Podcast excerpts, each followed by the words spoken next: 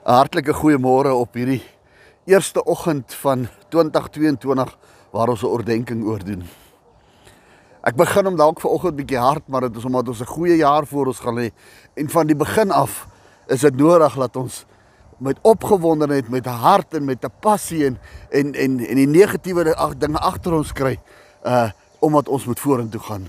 Omdat ons nie hardloop in die geskiedenis nie, maar ons hardloop in die toekoms in verskeie plekke in die Bybel, onder andere Matteus 21, Markus 11 en ek dink Johannes 2 kom praat die Bybel en hy skryf ons.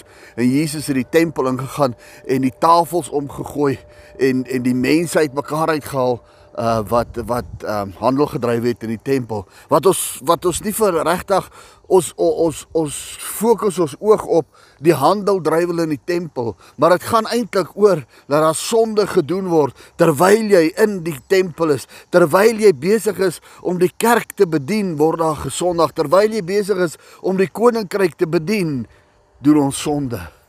Jy sien my broer en suster want in soveel gevalle van ons lewens het die Here al gekom en tafels van sondes in ons lewens omgegooi en verwoes.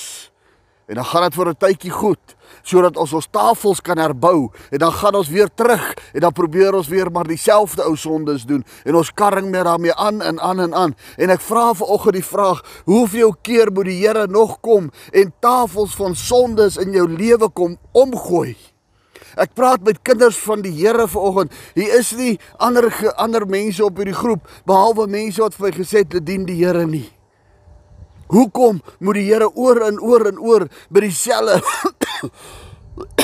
Ekskuus tog, maar ek raak so opgewonde en hierdie hierdie hierdie hierdie ek ek weet nie wat om dit te noem nie.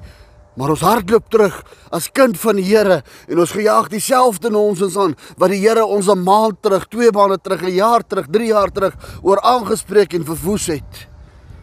Maar ons weier om dit te stop. Ons weier om daarmee 'n einde te kry.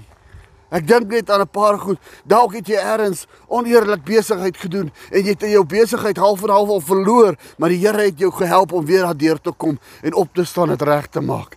Jy het jou lewe al amper verloor as gevolg van drank en alkohol. Jy dalk in jou huwelik skade gelei as gevolg van drank en alkohol, maar tog staan jy en jy gaan en jy vat weer daai tafel aan.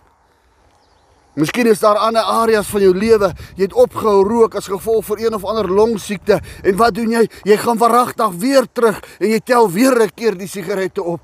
Hoeveel keer moet die Here nog te doen?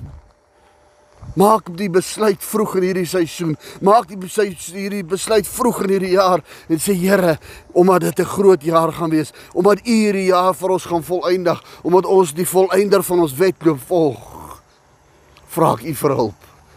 En ons maak klaar met dit wat besig is om ons te breek. Ek seën U in hierdie jaar, in hierdie vroeë oggend vanoggend met deursettingsvermoë om klaar te maak by die omgegooide tafels in Jesus naam. Amen.